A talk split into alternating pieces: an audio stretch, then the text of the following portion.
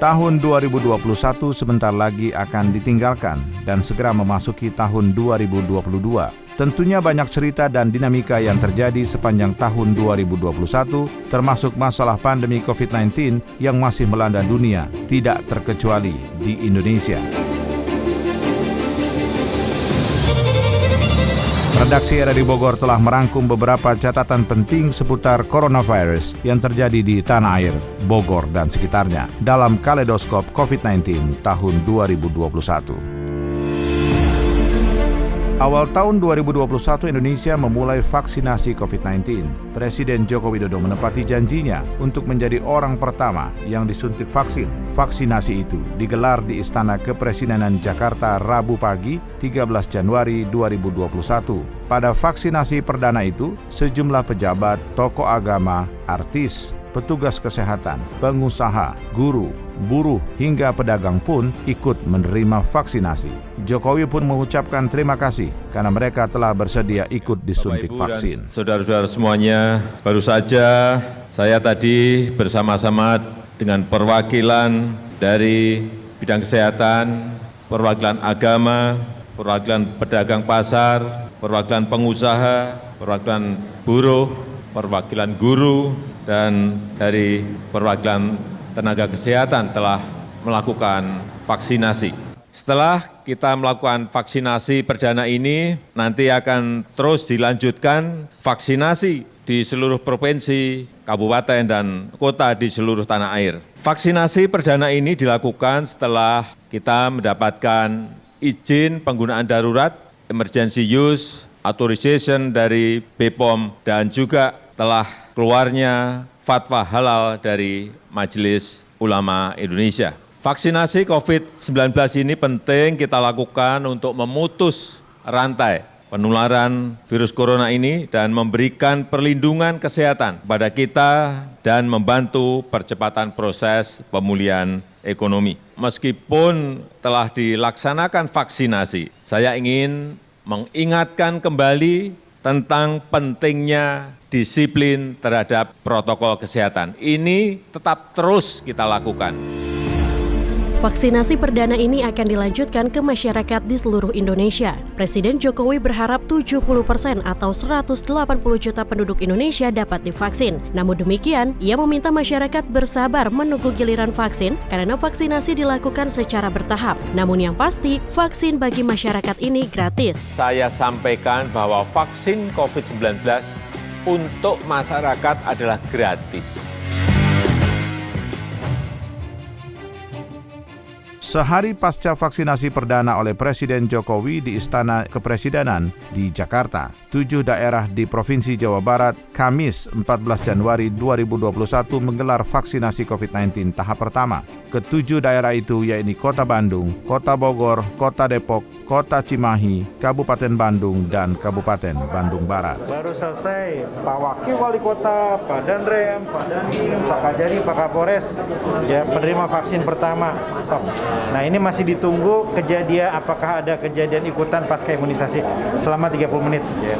Mudah-mudahan lancar. Di Kota Bogor, pemberian vaksin didahului oleh 10 orang penerima pertama dari pejabat di lingkungan pemerintah daerah. Wakil Wali Kota Bogor Dedi Arahim menjadi penerima pertama vaksin COVID-19 yang digelar di Puskesmas Tanah Sareal Kota Bogor pada Kamis 14 Januari 2021. Penerima vaksin lainnya di antaranya Dandim 0606 Kota Bogor, Kolonel Infantri Robi Bulan, Kapolresta Bogor Kota Kombes Susatyo Purnomo Chondro, dan Kepala Dinas Kesehatan Kota Bogor Dr. Srino Woretno. Yang pertama sudah, pewakil yang pertama lancar, ya lancar agak sedikit tegang ya, tapi setelah itu lancar ya, alhamdulillah.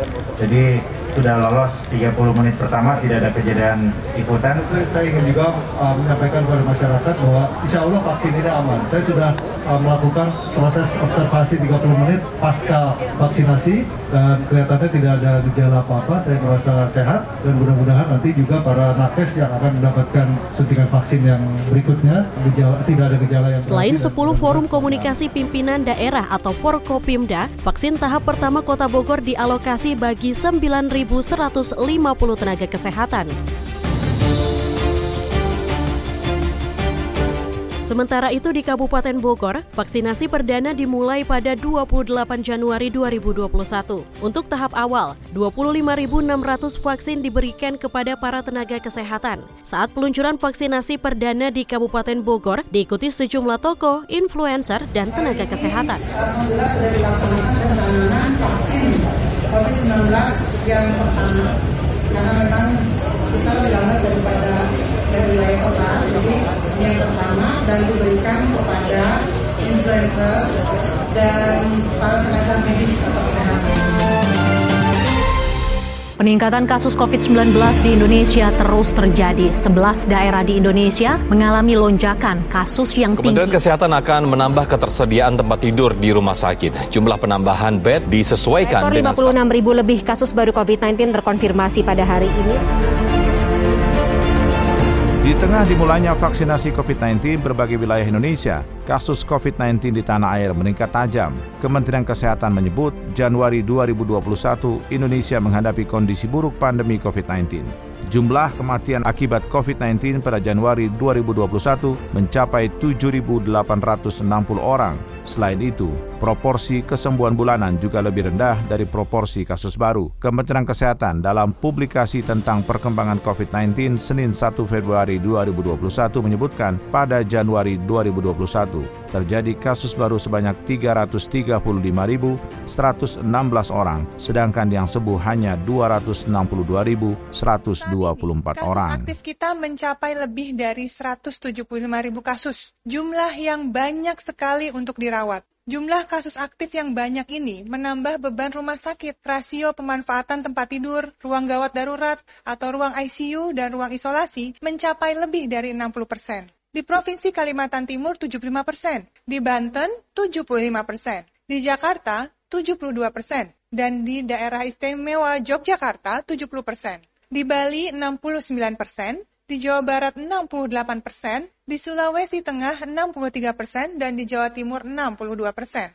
Meski Kementerian Kesehatan sudah mengerahkan lebih dari 30 ribu relawan tenaga kesehatan, Nusantara Sehat dan Internship, namun tenaga Kota Bogor pada awal bulan Februari 2021 mencatat kasus COVID-19 sangat tinggi. Per 3 Februari 2021, tercatat rekor 168 orang positif dalam satu hari. Pemkot pun langsung mengambil tindakan untuk mencegah terus meluasnya kasus COVID-19 di kota hujan. Salah satu yang dilakukan, yakni memperlakukan aturan ganjil genap bagi bagi kendaraan roda 2 maupun roda 4 setiap hari Jumat, Sabtu, dan Minggu. Kebijakan tersebut mulai berlaku pada 6 Februari 2021 di seluruh ruas jalan utama di Kota Bogor. Forkopimda juga sepakat menerapkan pelarangan semua aktivitas yang dapat menimbulkan kerumunan, pelarangan resepsi pernikahan, kegiatan ibadah maksimal 50%, dan pengunjung tempat wisata dari luar Kota Bogor wajib menunjukkan hasil tes rapid antigen.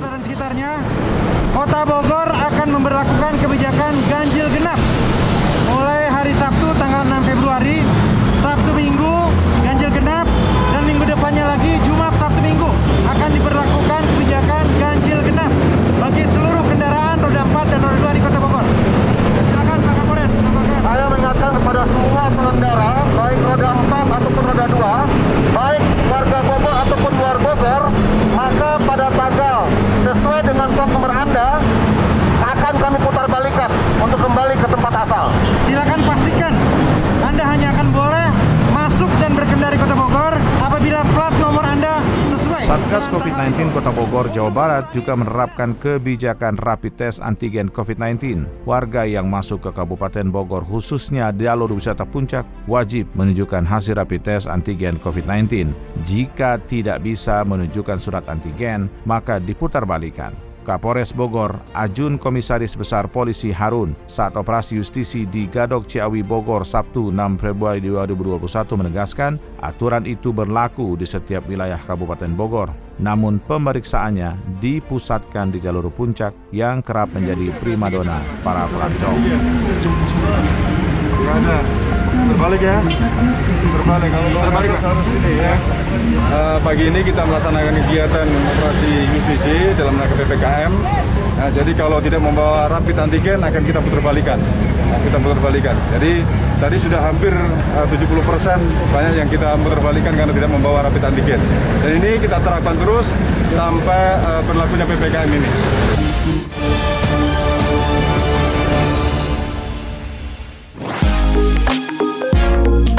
Indonesia merupakan negara yang menjadikan UMKM sebagai penopang ekonomi utama ditandai dengan jumlahnya yang mencapai 99% dari total usaha yang ada di Indonesia.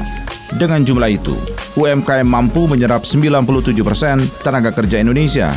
Selama pandemi COVID-19, UMKM Indonesia menjadi penopang terbesar untuk mempertahankan neraca ekonomi agar tidak tenggelam dalam defisit.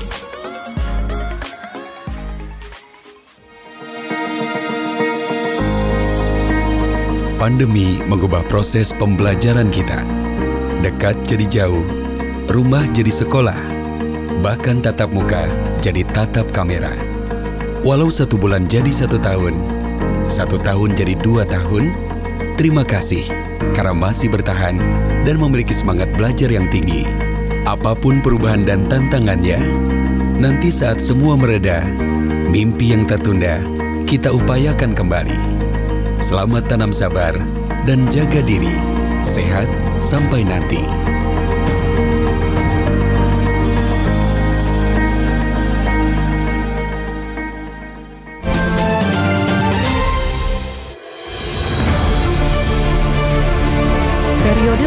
Periode libur panjang Mei 2021 mengakibatkan lonjakan kasus COVID-19 di Indonesia. Juru bicara pemerintah untuk penanganan COVID-19 Wiku Adhisa Smito menyatakan, kasus kenaikan COVID-19 pasca Idul Fitri mengalami kenaikan 112,22 persen. Provinsi dengan kenaikan angka yang signifikan merupakan daerah yang sering dikunjungi mudik Idul Fitri. Provinsi tersebut di antaranya Jawa Tengah naik 281,59 persen, Yogyakarta naik 172,03 persen, Jawa Timur naik 102,74 persen, dan Jawa Barat naik 58,75 persen. Minggu keempat, ternyata kenaikan kasus pasca Idul Fitri di tahun ini secara nasional mengalami kenaikan yang lebih tinggi, yaitu mencapai mencapai 112,22 persen. Sedangkan kenaikan kasus pada tahun 2020 adalah sebesar 93,11 persen. Kenaikan yang signifikan di tahun ini tidak dipungkiri terjadi karena pada minggu keempat ini kenaikan kasusnya sangat signifikan jika dibandingkan dengan minggu sebelumnya. Kenaikan kasus positif COVID-19 pasca libur panjang juga terjadi di Kabupaten Bogor. Bahkan tenaga kesehatan yang menjadi garda depan penanganan COVID-19 banyak yang terkonfirmasi positif. Ditambah muncul klaster perkantoran di lingkungan pemerintah daerah dan klaster perumahan. Bupati Bogor Ade Asim menyebutkan kenaikan kasus positif aktif setelah Idul Fitri sampai dengan 23 Juni 2021 adalah 75,8 persen. Lonjakan itu terjadi sejak 10 Juni 2021. Satgas Penanganan COVID-19 mengambil sejumlah kebijakan, di antaranya menghentikan sementara aktivitas di perkantoran yang terkonfirmasi positif. Pemkap Bogor juga memperketat pemberlakuan pembatasan kegiatan masyarakat skala mikro mulai 22 Juni hingga 5 Juli 2021.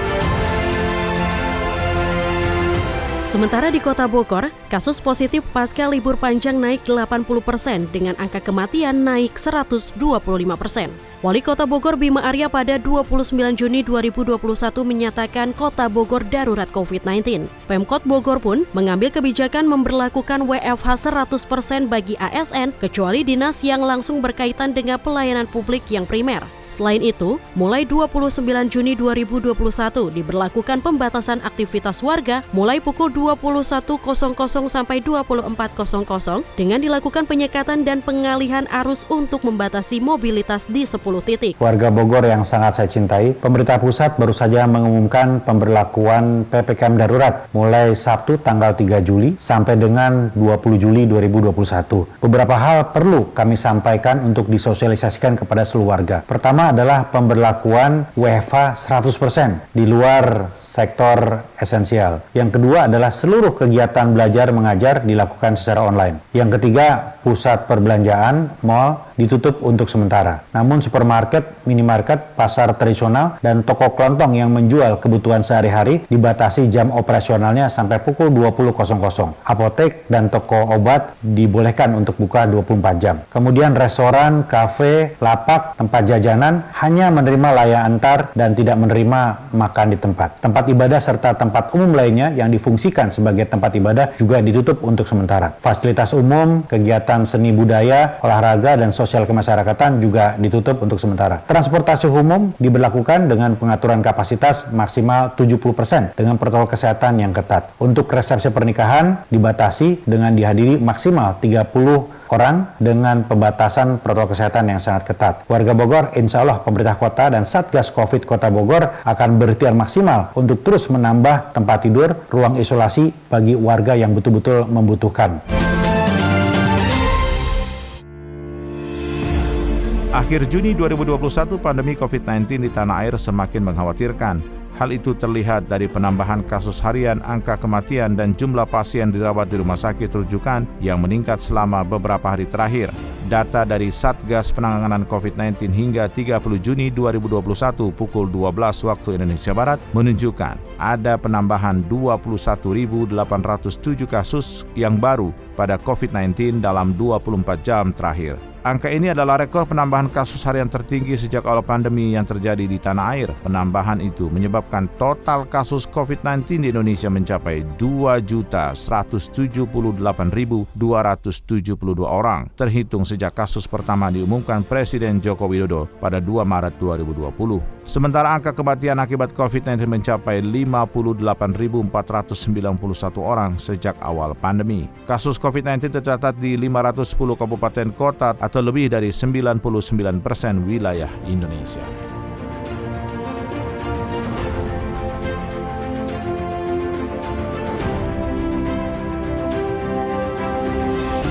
Semakin mengkhawatirkannya kasus COVID-19 di berbagai wilayah Indonesia pasca libur panjang lebaran 2021 membuat pemerintah memutuskan kebijakan pengetatan aktivitas masyarakat. Kebijakan untuk mencegah semakin luasnya penyebaran COVID-19 itu dinamakan pemberlakuan pembatasan kegiatan masyarakat atau PPKM darurat. Penerapan PPKM mikro darurat itu diumumkan Presiden Joko Widodo di Istana Kepresidenan pada Kamis 1 Juli 2021. PPKM darurat diberlakukan mulai 3 Juli hingga 30 Juli 2021.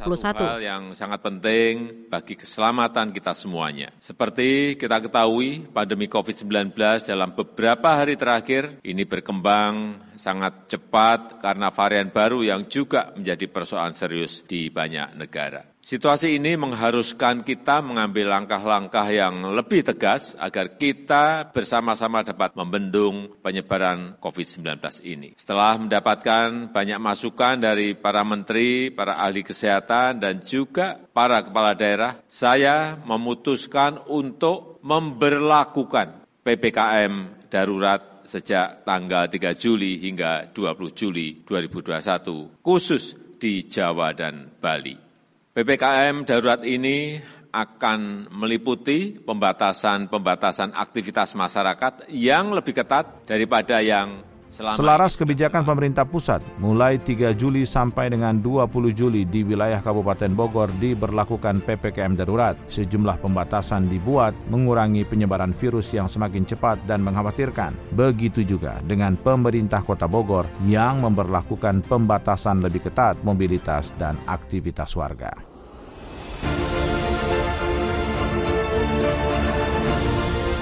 Awal Juli 2021, kasus positif COVID-19 di Kota Bogor kembali memecahkan rekor tertinggi selama pandemi. Satgas mencatat pada 5 Juli 2021 ada sekitar 562 kasus baru COVID-19 di Kota Hujan. Wali Kota Bogor Bima Arya menyebutkan semua data di lapangan menunjukkan kondisi yang sangat darurat. Untuk itu, Satgas COVID akan totalitas menjaga, melindungi warga dan menindak tegas pelanggar PPKM darurat.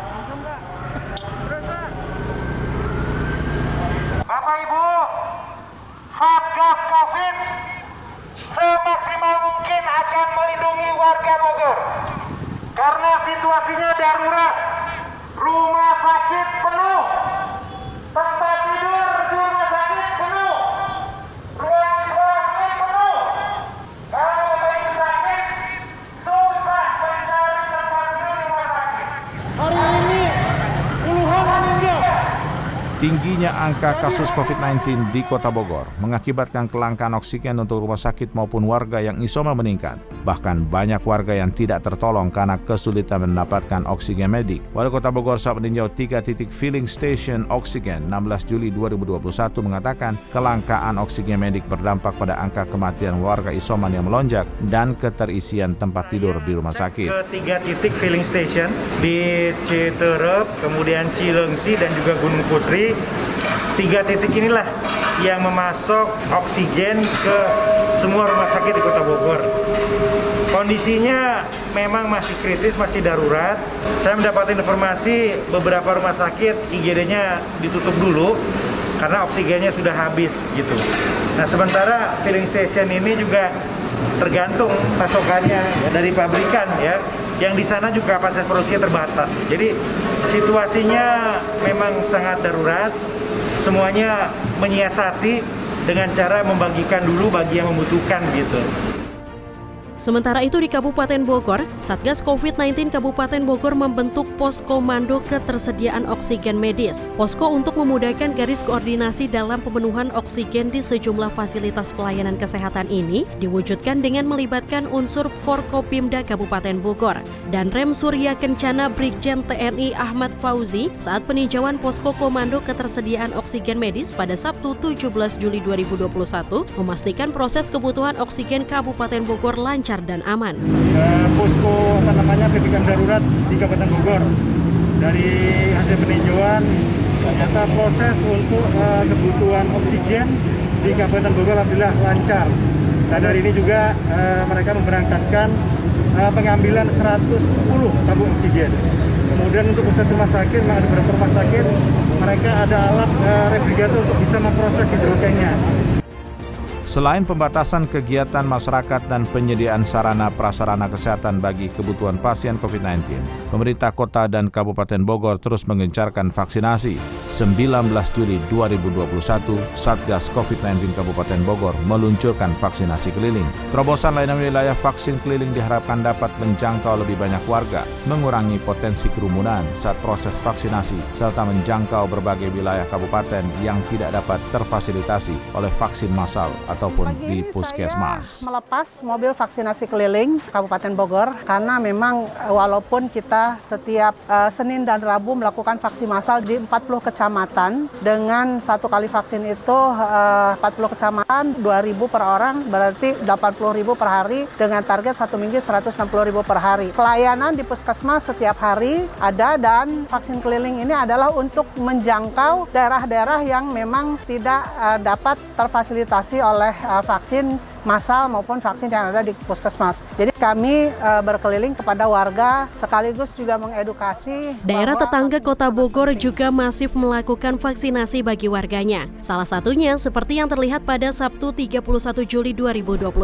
Sebanyak 1.650 pelajar dan masyarakat umum antusias melakukan vaksinasi COVID-19 di Gedung Puri Begawan Kota Bogor. Vaksinasi ini digelar oleh Polri Angkatan 91 Akademi Kepolisian dan PBHMI.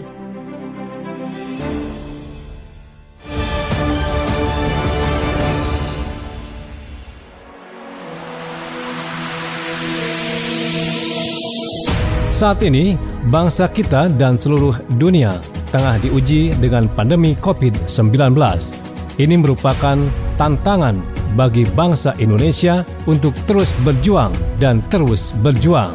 Dalam memerangi virus corona, diperlukan semangat persatuan dan kesatuan. Dan yang paling penting, sikap pantang menyerah dan selalu mawas diri dalam menghadapi pandemi corona. Sudah saatnya semua bangkit sebagai pejuang dan patriot bangsa, maju ke medan perang untuk melawan virus corona. Jangan panik, apalagi takut. Mari kita munculkan semangat juang.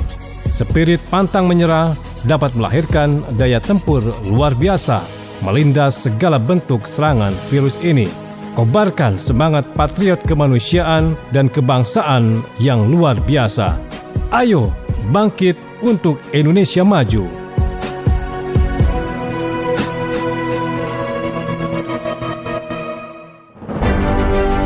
Dukungan Kemenkominfo dalam dunia pariwisata dan UMKM disampaikan Joni G. Plati.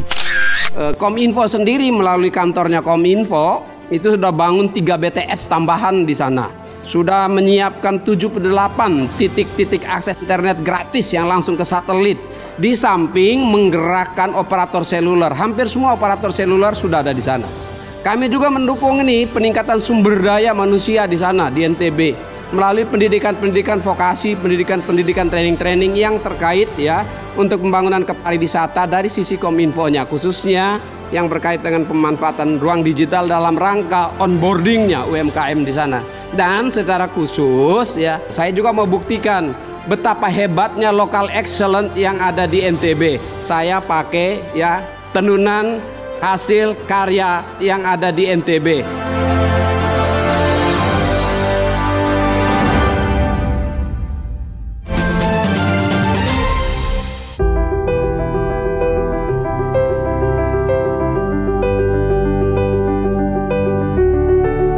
Pemberlakuan pembatasan kegiatan masyarakat atau PPKM yang diterapkan pemerintah mampu menekan kasus COVID melonjak tinggi sejak Juli. Selama penerapan PPKM, baik PPKM darurat maupun leveling 1 hingga 4, kasus baru COVID-19 terpantau turun. Pada puncak lonjakan kasus tercatat dalam sehari penambahan pernah mencapai angka 56.757 kasus pada 15 Juli, yang berakibat pada tingkat keterisian tempat tidur di rumah sakit atau bed occupancy ratio BOR yang meningkat tajam. Angka BOR di beberapa provinsi pun sempat melebihi 90 persen. Saat ini penambahan kasus harian berkisar di angka belasan ribu hingga 20 ribu per harinya. Begitupun BOR menurun. Di Jawa Barat misalnya, BOR di rumah sakit rujukan COVID-19 turun ke angka 24,99 persen, padahal sebelumnya mencapai 90 persen pada saat lonjakan kasus COVID-19. Agustus 2021, Presiden Joko Widodo memutuskan untuk menurunkan level pemberlakuan pembatasan kegiatan masyarakat atau PPKM di sejumlah daerah. Keputusan tersebut dibuat berdasarkan berbagai pertimbangan, utamanya indikator-indikator penanganan pandemi COVID-19 yang mulai membaik. Presiden Jokowi dalam tayangan live streaming di kanal YouTube Sekretariat Kepresidenan pada Senin 23 Agustus 2021 menyebutkan saat ini kasus konfirmasi positif COVID-19 di Indonesia telah mengalami penurunan sebesar 78 persen jika dibandingkan saat puncak kasus pada 15 Juli 2021 lalu. Angka kesembuhan juga konsisten lebih tinggi daripada angka konfirmasi konfirmasi positif yang membuat angka keterisian tempat tidur atau bed occupancy rate nasional berada di angka 33 persen. Dan sekarang ini sudah turun sebesar 78 persen. Angka kesembuhan secara konsisten juga lebih tinggi dibandingkan penambahan kasus konfirmasi positif selama beberapa minggu terakhir. Hal ini berkontribusi secara signifikan terhadap penurunan keterisian tempat tidur. BOR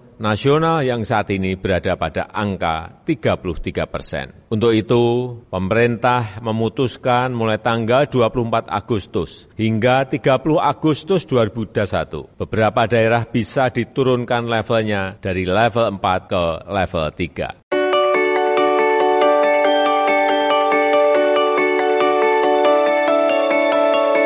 Seiring membaiknya penanganan pandemi COVID-19 awal September 2021, sejumlah wilayah Indonesia mulai menggelar pembelajaran tatap muka PTM di Kabupaten Bogor. Kegiatan sekolah tatap muka mulai digelar Rabu 1 September 2021. PTM diikuti sekitar 3.222 sekolah mulai jenjang TK, SD, dan SMP. Bupati Bogor Ade mengatakan PTM diizinkan setelah semua guru divaksin. Hal itu merupakan syarat mutlak bagi guru untuk mengajar tatap muka. Kegiatan Kegiatan PTM dilaksanakan dengan kapasitas maksimal 50%, khusus untuk PAUD kapasitas kelas maksimal 30% dan jarak minimal 1,5 meter.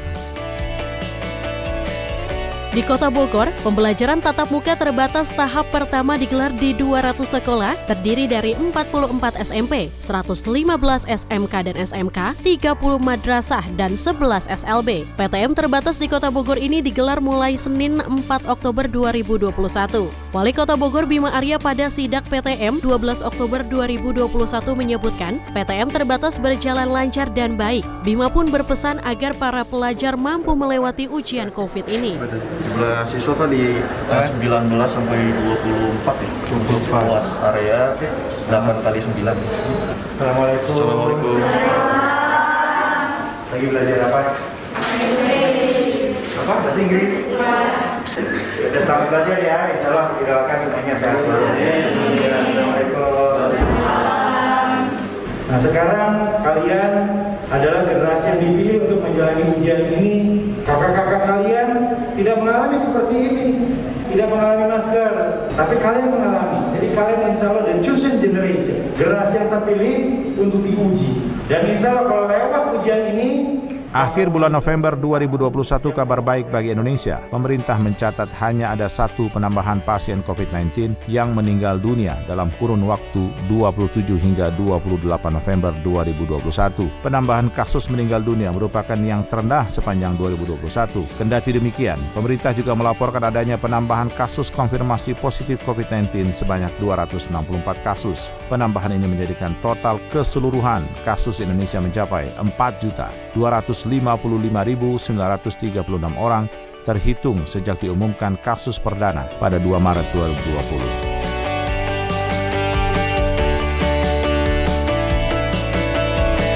Meski kasus COVID terus membaik, pemerintah Kota Bogor tidak mau kecolongan. Satgas COVID-19 Kota Bogor mulai 27 November 2021 memperlakukan kawasan wisata wajib vaksin COVID-19 bagi masyarakat yang berkunjung ke tempat wisata maupun fasilitas publik di wilayahnya. Wakil Ketua Satgas COVID-19 Kota Bogor, Kombes Susatyo Purnomo Chondro, mengatakan bahwa kawasan yang diberlakukan kebijakan tersebut di antaranya tempat wisata seperti Kebun Raya Bogor. Satgas COVID-19 menurunkan 800 personel petugas gabungan.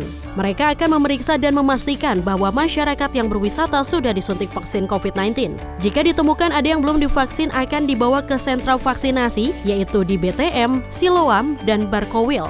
Ketua Satgas COVID-19 Kota Bogor Bima Arya mengatakan, pemberlakuan kawasan wisata wajib vaksin COVID-19 sebagai upaya mencegah peningkatnya kasus pada libur Natal dan Tahun Baru 2022. Namun begitu, kebijakan tersebut bukan berarti Pemkot Bogor melarang wisatawan untuk datang ke Kota Bogor. Masyarakat disilakan berwisata di Kota Bogor, namun harus sudah divaksin dan menunjukkan bukti kalau sudah divaksin. Yang akan kita berlakukan adalah memastikan kawasan wisata ini semua hanya dimasuki oleh orang yang sudah divaksin. Nanti eh, secara teknis Pak Kapolres, Pak Dandim akan menjelaskan dan Pak Ketua Dewan juga akan menambahkan. Tapi kami semua berkoordinasi untuk melakukan langkah-langkah antisipasi menjelang akhir tahun.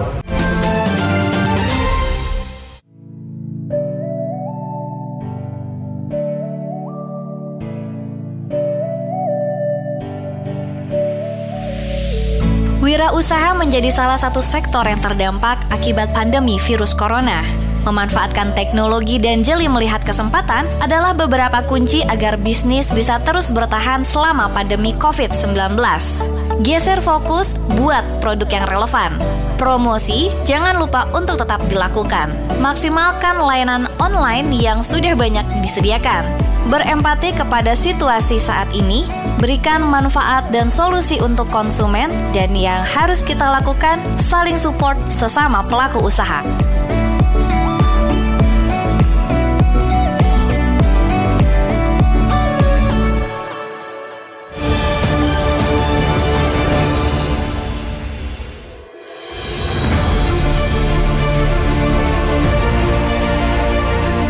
Akhir tahun 2021 muncul varian baru virus COVID-19 yaitu B11529 atau Omicron. Varian baru yang pertama kali ditemukan di Afrika Selatan, Botswana, dan Hong Kong pada 21 November 2021 menyebar ke seluruh dunia dengan kecepatan yang belum pernah terjadi sebelumnya. Pemerintah menyiapkan sejumlah langkah untuk mengantisipasi masuknya Omikron. Juru bicara vaksinasi COVID-19 dari Kemenkes Siti Nadia Tarmizi pada tanggal 29 November 2021 mengatakan upaya mencegah masuknya Omikron di antaranya melakukan pelarangan masuk untuk warga negara asing memiliki daya perjalanan selama 14 hari terakhir ke negara yang terdeteksi Omikron seperti Afrika Selatan dan Hong Kong. Warga negara Indonesia yang pulang ke Indonesia memiliki riwayat perjalanan dari negara-negara itu akan dikarantina selama 14 hari. Pemerintah juga akan meningkatkan waktu karantina bagi WNA dan WNI yang dari luar negeri di luar negara-negara yang masuk daftar pelanggaran menjadi tujuh hari dari sebelumnya tiga hari. Meningkatkan tentunya pengawasan di pintu-pintu masuk negara, baik itu di bandara, laut, dan darat, terutama bagi WNA maupun WNI yang melakukan perjalanan dari ketiga negara tadi, Afrika Selatan, uh, Botswana, termasuk juga kita perhatikan negara-negara tetangga sekitar Afrika Selatan dan juga uh, Hong Kong yang sudah melaporkannya. Saat ini tentunya dengan menjalankan karantina dan pemeriksaan PCR tiga kali sudah uh, bisa mendeteksi Kekhawatiran masuknya varian Omikron ke Indonesia akhirnya terjadi. Pemerintah melalui Menteri Kesehatan Budi Gunadi Sadikin pada 16 Desember 2021 mengumumkan temuan kasus pertama varian Omikron. Kementerian Kesehatan tadi malam telah mendeteksi ada seorang pasien N inisialnya terkonfirmasi Omikron pada tanggal 15 Desember. Data-datanya juga sudah kami konfirmasikan ke GIS-8 dan sudah dikonfirmasikan kembali dari GIS-8 bahwa memang data ini adalah data sequencing Omicron. Pasien N ini adalah pekerja pembersih di rumah sakit Wisma Atlet. Presiden Jokowi pun memberikan sejumlah arahan. Masyarakat diminta ikut menjaga agar tidak terjadi penularan lokal. Selain itu masyarakat harus waspada, namun juga jangan panik. Yang harus kita lakukan adalah bersama-sama berupaya sekuat tenaga agar varian Omikron tidak meluas di tanah air. Jangan sampai terjadi penularan lokal. Kita harus berupaya menjaga situasi di Indonesia tetap baik, kita pertahankan jumlah kasus aktif agar tetap rendah, tingkat penularan kita awasi agar bertahan di bawah satu, jangan sampai itu melonjak lagi. Waspada penting tapi jangan perkembangan ini membuat kita panik. Sejauh ini varian Omikron belum menunjukkan karakter yang membahayakan nyawa pasien, terutama pasien-pasien yang sudah mendapatkan vaksin. Akhir Desember 2021, kasus COVID-19 varian Omikron di Indonesia terus bertambah. Kementerian Kesehatan menyebutkan adanya tambahan kasus terkonfirmasi Omikron 27 orang yang sebagian besar berasal dari para pelaku perjalanan internasional. Dikutip dari situs resmi Kemenkes pada Senin 27 Desember 2021, juru bicara vaksinasi Kementerian Kesehatan Siti Nadia Tarmizi menyebutkan 26 kasus Omikron merupakan import case yakni 25 WNI yang baru pulang pulang dari luar negeri dan satu orang WNA asal Nigeria. Sementara satu kasus positif Omikron merupakan tenaga kesehatan di RSDC Wisma Atlet yang menjadi pasien pertama. Dengan tambahan kasus ini, total kasus terkonfirmasi Omikron di Indonesia sudah 46 kasus sejak pertama kalinya dilaporkan pada 16 Desember lalu. Selasa 28 Desember 2021, pemerintah mengumumkan satu kasus transmisi lokal virus corona varian Omicron di Indonesia. Juru bicara vaksinasi dari Kemenkes Siti Nadia Tarmizi dalam press conference secara daring pada Selasa 28 Desember mengatakan pasien transmisi lokal merupakan laki-laki berusia 37 tahun. Ia tidak punya riwayat perjalanan ke luar negeri dalam beberapa bulan terakhir ataupun melakukan kontak dengan pelaku perjalanan luar negeri transmisi lokal Omikron di Indonesia. Kami sampaikan adanya satu kasus transmisi lokal Omikron di Indonesia, eh, sehingga hingga hari Selasa 28 Desember terdapat 47 kasus konfirmasi positif Omikron di Indonesia, di mana 46 kasus adalah kasus import dan satu kasus transmisi lokal.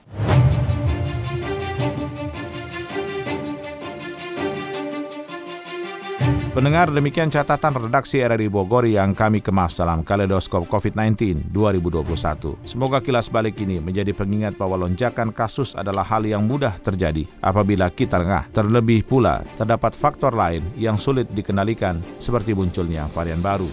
Diharapkan kumpulan peristiwa ini menjadi refleksi dan penyemangat kita untuk tetap menjaga semangat dan konsistensi melawan COVID-19 di tahun 2022. Akhirnya, saya Maulana Istarto dan saya Fitri Ardianti mengucapkan terima kasih atas perhatian Anda.